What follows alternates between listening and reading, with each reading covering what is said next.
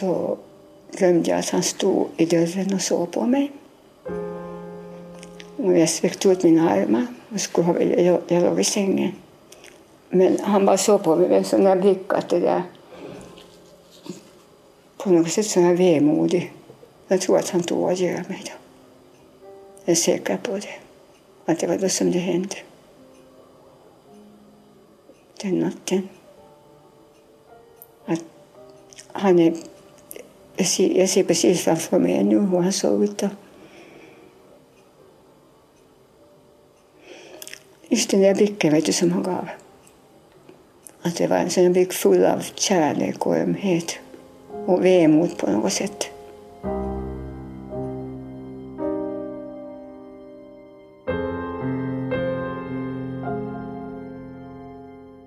Natten mellan den 25 och den 26 oktober för 50 år sedan förliser fartyget MS Irma någonstans på norra Ålands hav. Ombord finns elva personer. Sju sjömän, tre fruar och ett tvåårigt barn. En av de som försvinner med skeppet är Hans. Han är mellanbror, tvillingbror och en av sju söner till Agnes och Artur Grönqvist. Men han är också Guns stora kärlek, hennes make och pappa till deras tre barn.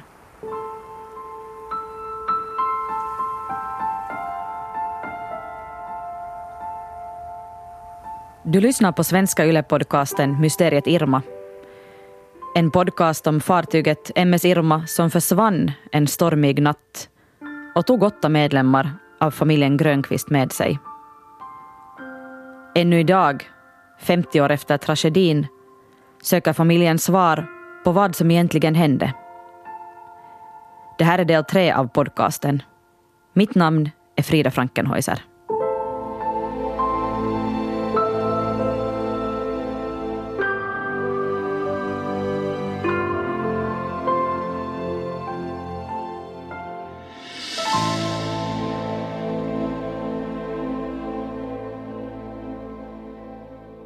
Gun och Hans träffades i december 1960. Gun har alltid varit blyg, men det var också Hans, så det passade bra ihop. Det var en arbetskompis till Gun som parade ihop dem. Då de blev förtjusta i varandra satt de bara på Guns säng de första veckorna och löste korsord innan de vågade ta varandra i hand. Han var en riktigt vanlig kille. Han var en av sju bröder. Väldigt omtyckt. Ingen hade något ont att säga om honom. Snäll, hjälpsam. Hans drömmar... Drömmen var att det skulle få vara ett hem färdigt. Och det där, så var han ju jättemusikalisk. Vi hade gemensamt att jag har, jag har sjungit ganska mycket och och han sjöng jättebra. De var alla musikaliska, de där killarna. Att vi hade nog haft något band sen med inspelningar men någonstans hade de försvunnit. Det skulle vara. Han sjöng Aba mer än tåla på det. Jossakin och Fanns inspelat. Och jag sjöng på samma band. Jag ska måla hela världen, lilla mamma. Det kommer jag ihåg. Bara två år tidigare har Gun och Hans flyttat in i sitt nya hus i den lilla byn Vålax i dåvarande Borgålands kommun.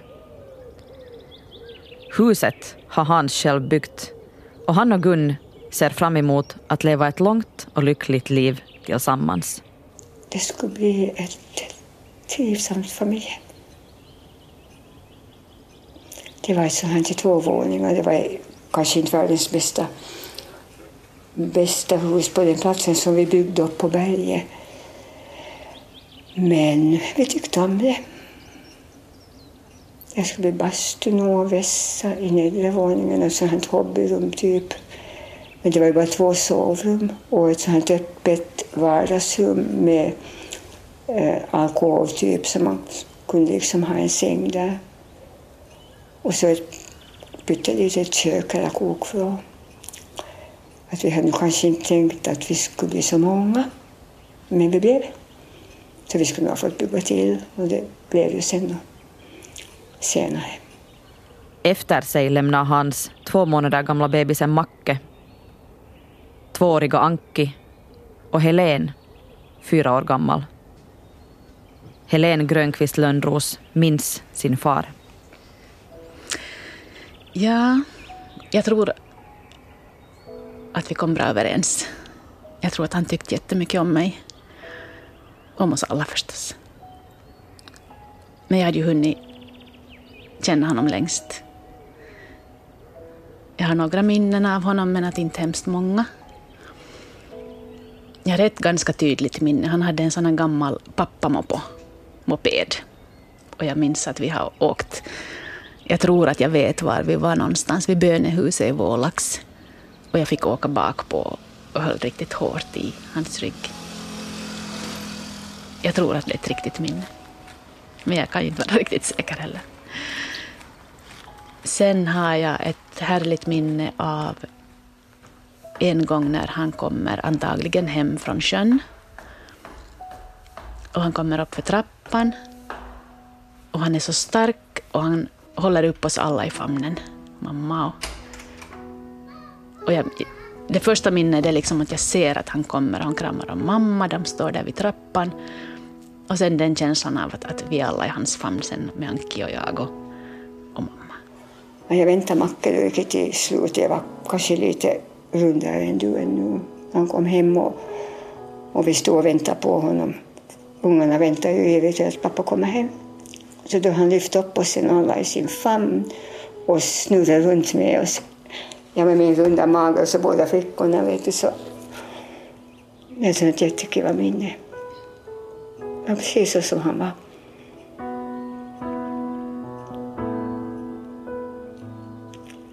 Att han, vi betydde jättemycket för honom och han betydde jättemycket för oss. Här skulle vi ha velat vara tillsammans hela tiden. Men nu måste du förtjäna.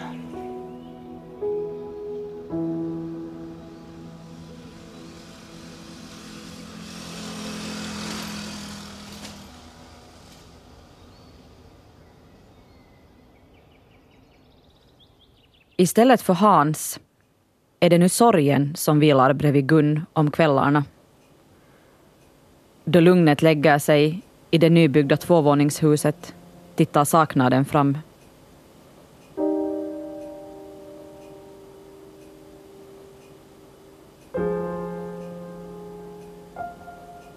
Sorgen visade sig på det sättet att man inte kunde sova på natten. Man låg vaken. Gick till fönstret och se, kommer han?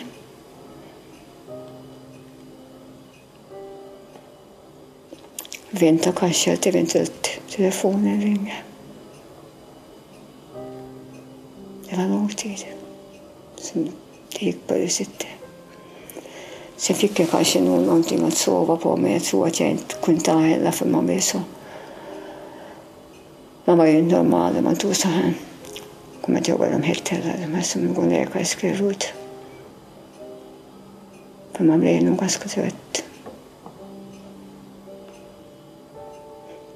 Var hela tiden på helspänn.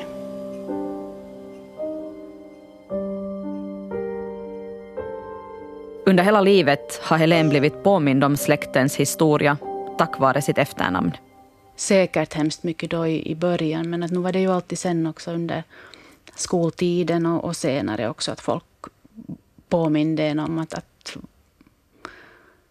att hör jag till dem som blev drabbade då och, visa sitt medlidande kanske. Och så där, att, ja, att det var en hemsk olycka, att jag kommer så bra ihåg. Och att hemskt mycket sådana här påminnelser har man ju fått alltid. Hemskt länge höll det på, eller så länge folk kom ihåg det. Och hör ordet Grönqvist kanske, så, så kopplar de. För det mesta så gick det ju, var det ju ganska ytligt så här. Men nu har jag ju, och nu känner jag ju nu också liksom att, att, att inte är oberörd att prata om det. att ibland så har det varit jättejobbigt att prata om det, om någon har frågat något mer.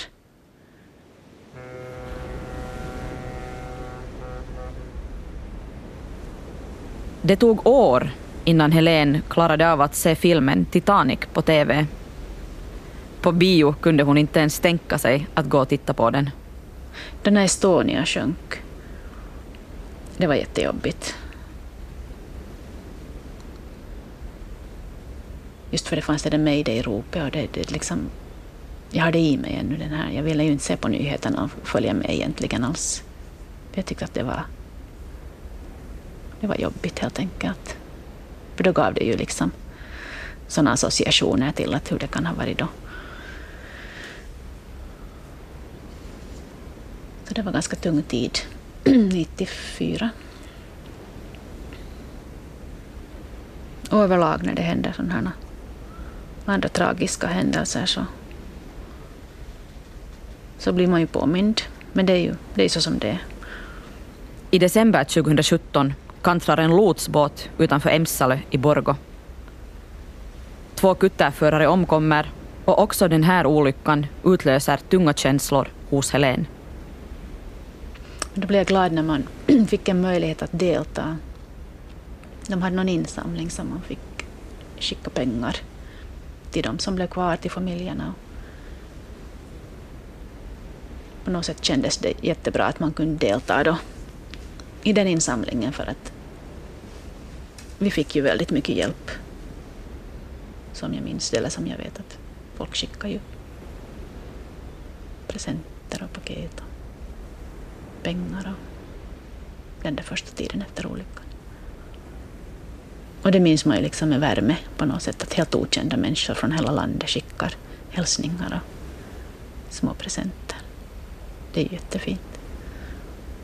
Men man har det i sig kanske för att nu kändes det just så här att oj vad fint att man kan på något sätt visa sin medkänsla med de som är drabbade. Den här gången och i Borgå. Familjen fick julbesök av två olika lucior. De fick pengar från Borgos och Helsingfors luciainsamlingar. Och på julen kom det paket på posten med kläder, sockor, vantar och godis från snälla människor som Sörde i hela Finland. Och just den där första julen, så det var ju nog på ett sätt ganska bedrövligt.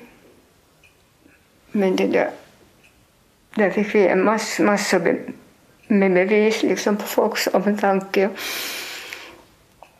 Att barnen fick ju julklappar från alla håll och kanter. Man kunde inte ge alla paket åt dem för det var så massor.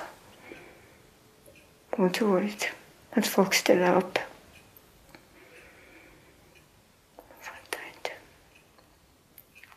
Också Annie Blomqvist, kvinnan bakom Stormskärs-Maja, kontaktar Gun. Hon vet hur det känns att förlora och sörja. Annie miste både sin man och sin son i en drunkningsolycka några år tidigare. Annie Blomqvist skickade där garn till Socko. Jag tror att det var hennes egna får kanske. Så skickade hon, i något skede skickade hon fem mark i kuvert. Skulle köpa något gott åt barnen. Jag tror att de ännu har kvar den där femman som ett minne. Gun tar fram en bunt brev och kort från år 1968. Ett av dem kommer från en av dåtidens främsta konstnärer i Finland. Det är finlandssvenska Lennart Segerstråle med fru Marie-Louise som hör av sig. Så kom här, jag kan visa det. Kan du läsa vad det står? Fru Gun Grönqvist, vi har inte träffats personligen, men vi har hela tiden under denna svåra tid träffats i tankarna. Vi har själva mistat våra två söner. Den ena drunknade, den andra stupade och förblev på slagfältet. Vi förstår därför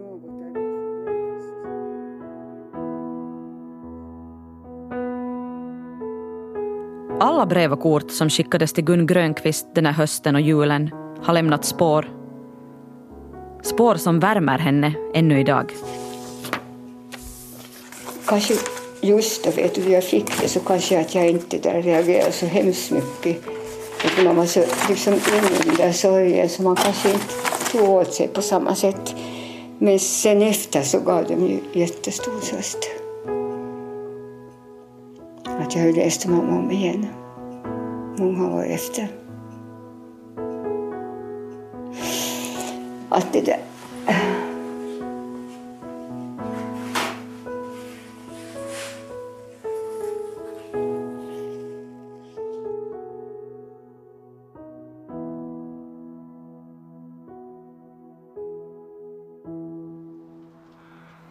I oktober har det gått 50 år sedan fartyget MS Irma från den lilla byn Vålax i Borgo förliste med 11 personer ombord.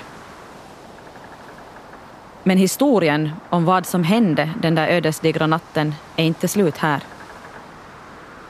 Fortfarande vet ingen var eller varför hon sjönk. Men mycket är på gång just nu och bland släktingarna närs ett hopp om att den här sommaren kan ge klarhet i Irmas öde. I sommar ska ett team hobbydykare ut på norra Ålands hav och leta efter vraket. Målet är att spaningarna ska resultera i en TV-dokumentär. Och på hösten ger en släkting till den drabbade familjen Grönqvist, Cecilia McMullen, ut en bok som dokumenterar händelserna kring MS Irmas förlisning. Min syster vill ju gärna, hon har alltid pratat om att hon skulle vilja att de skulle hitta den. Men där är jag kanske lite rädd just för det här att, att vad river det upp? Att får man då liksom, sätta det fantasin igång, att hur har det varit de här sista timmarna eller stunderna eller... Inte tror jag att det är svar på de frågorna heller, men att det är kanske är det som är lite, lite så här motstridigt hos mig. Att jag nog accepterat att den ligger där och, och där är de begravda. Och det är bra så.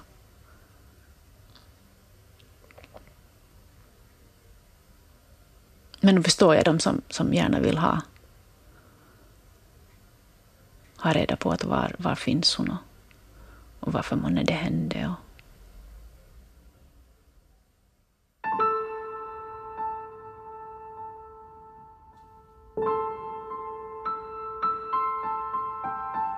Du har lyssnat på Svenska Yle-podcasten Mysteriet Irma. En podcast om fartyget MS Irma som försvann en stormig natt och tog åtta medlemmar av familjen Grönqvist med sig. Det här var avsnitt tre, den sista delen av podcasten. Producent är Staffan von Martens, dramaturg Are Nikkinen, för ljudarbetet står Johan Hellman och jag heter Frida Frankenhäuser.